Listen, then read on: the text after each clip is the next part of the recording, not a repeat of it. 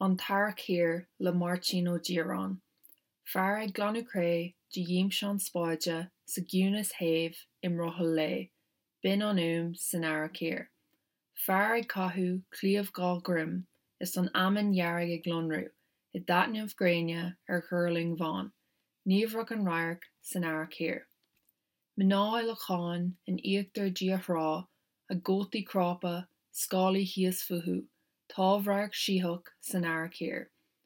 Tolmhhuií fána ag madú ráha chuach láinge éisic ag teachton chládaí ar ó bhirháil inhearra lé san aircéir.